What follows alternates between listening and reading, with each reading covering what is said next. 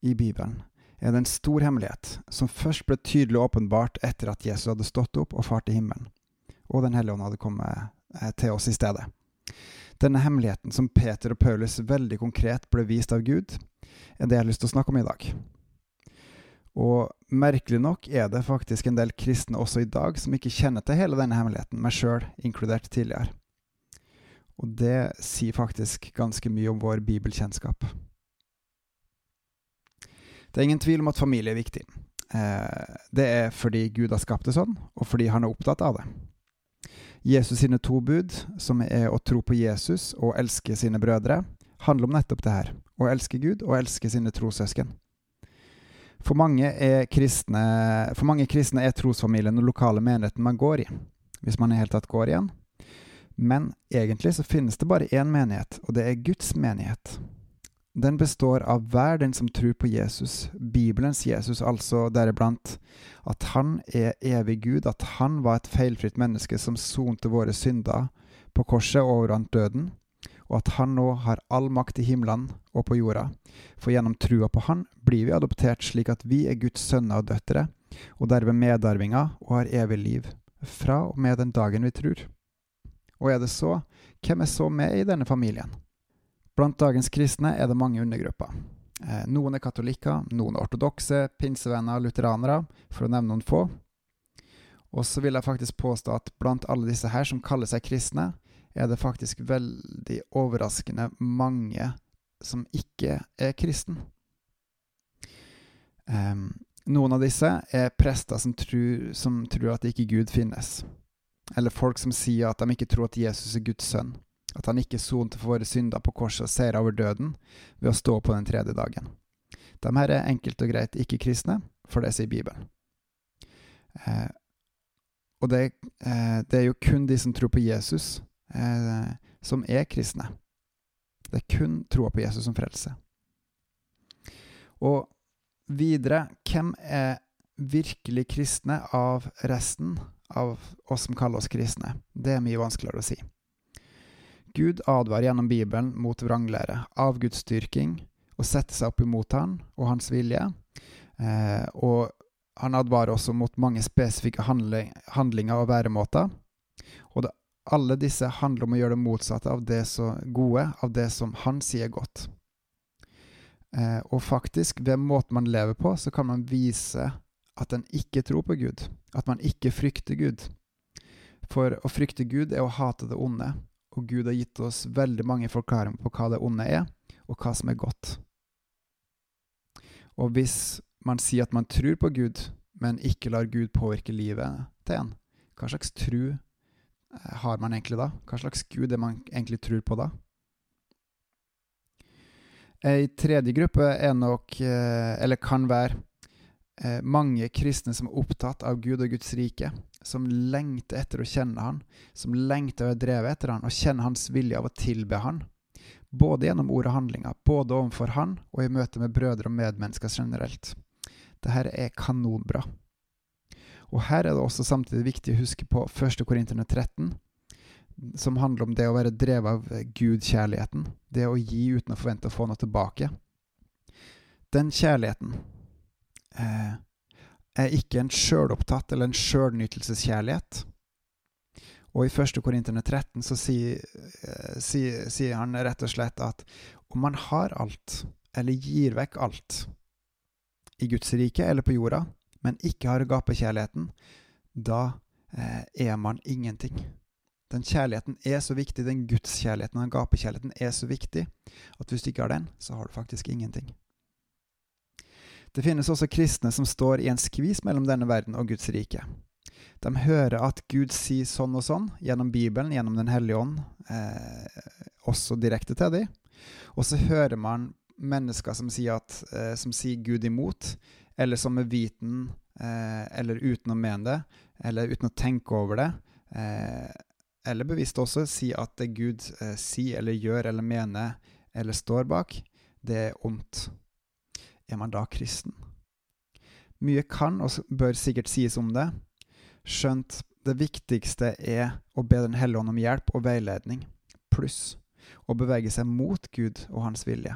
Fordi hvis man går bort fra Gud, hvis man lar det jordiske av denne verden være viktigere enn Gud, så vil man falle ifra og miste det evige livet med Gud.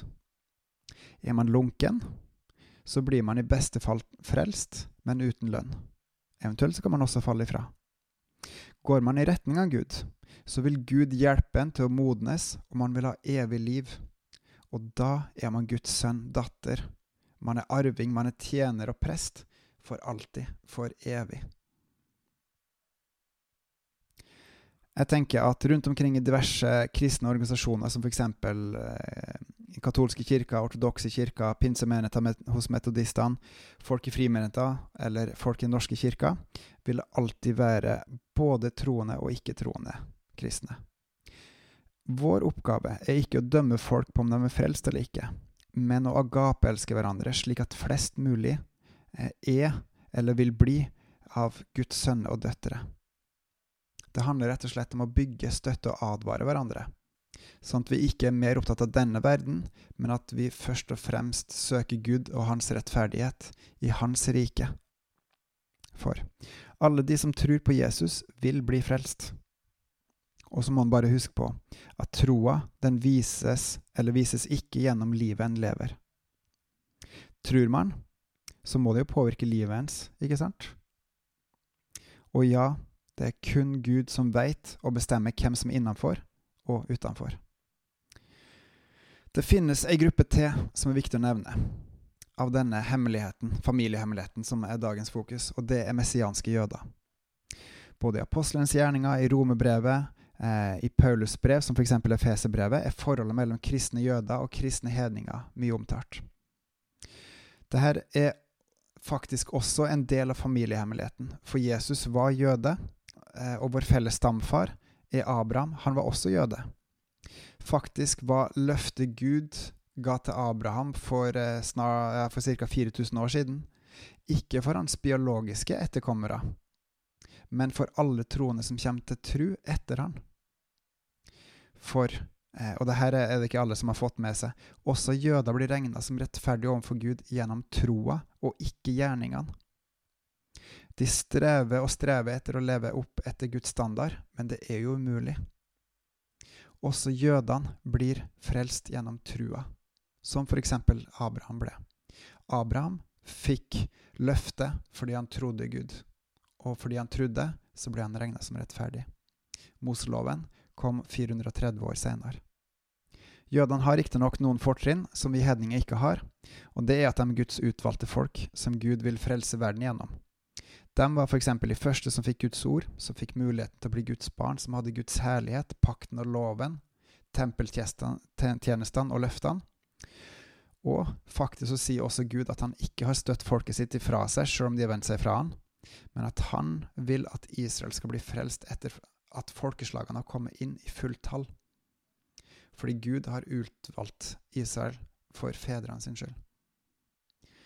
Kort oppsummert er altså hemmeligheten, familiehemmeligheten, at Guds folk, Guds menighet, Guds barn, det er alle dem som tar imot trua på Jesus Kristus som sin frelser. Har du tatt imot Jesus som din frelser, og beveger du deg inn mot Gud, som er sentrum? Da har du evig liv, og da er alle de troende på hele jorda dine brødre og søstre, alle de som Gud kaller sine. For en helt fantastisk nådig Gud viser oss at han tilgir oss kun ved å tro på han, og at vi da får lov til å kalles hans barn og tilhøre hans familie, vår familie. Og er vi familie, så har vi også ansvar for å støtte, bygge og advare hverandre, vi som er i familien. Dagens utfordring er til deg å tenke gjennom om du er på vei fra Gud, eller om du er på vei mot Han sammen med Gud? Er du mer opptatt av det jordiske, eller er du opptatt av Gud og det som er hans? En enkel måte å måle det på er å finne ut om du bruker han hver dag eller ikke. Og om du merker at Den hellige ånd jobber i det på ulike måter.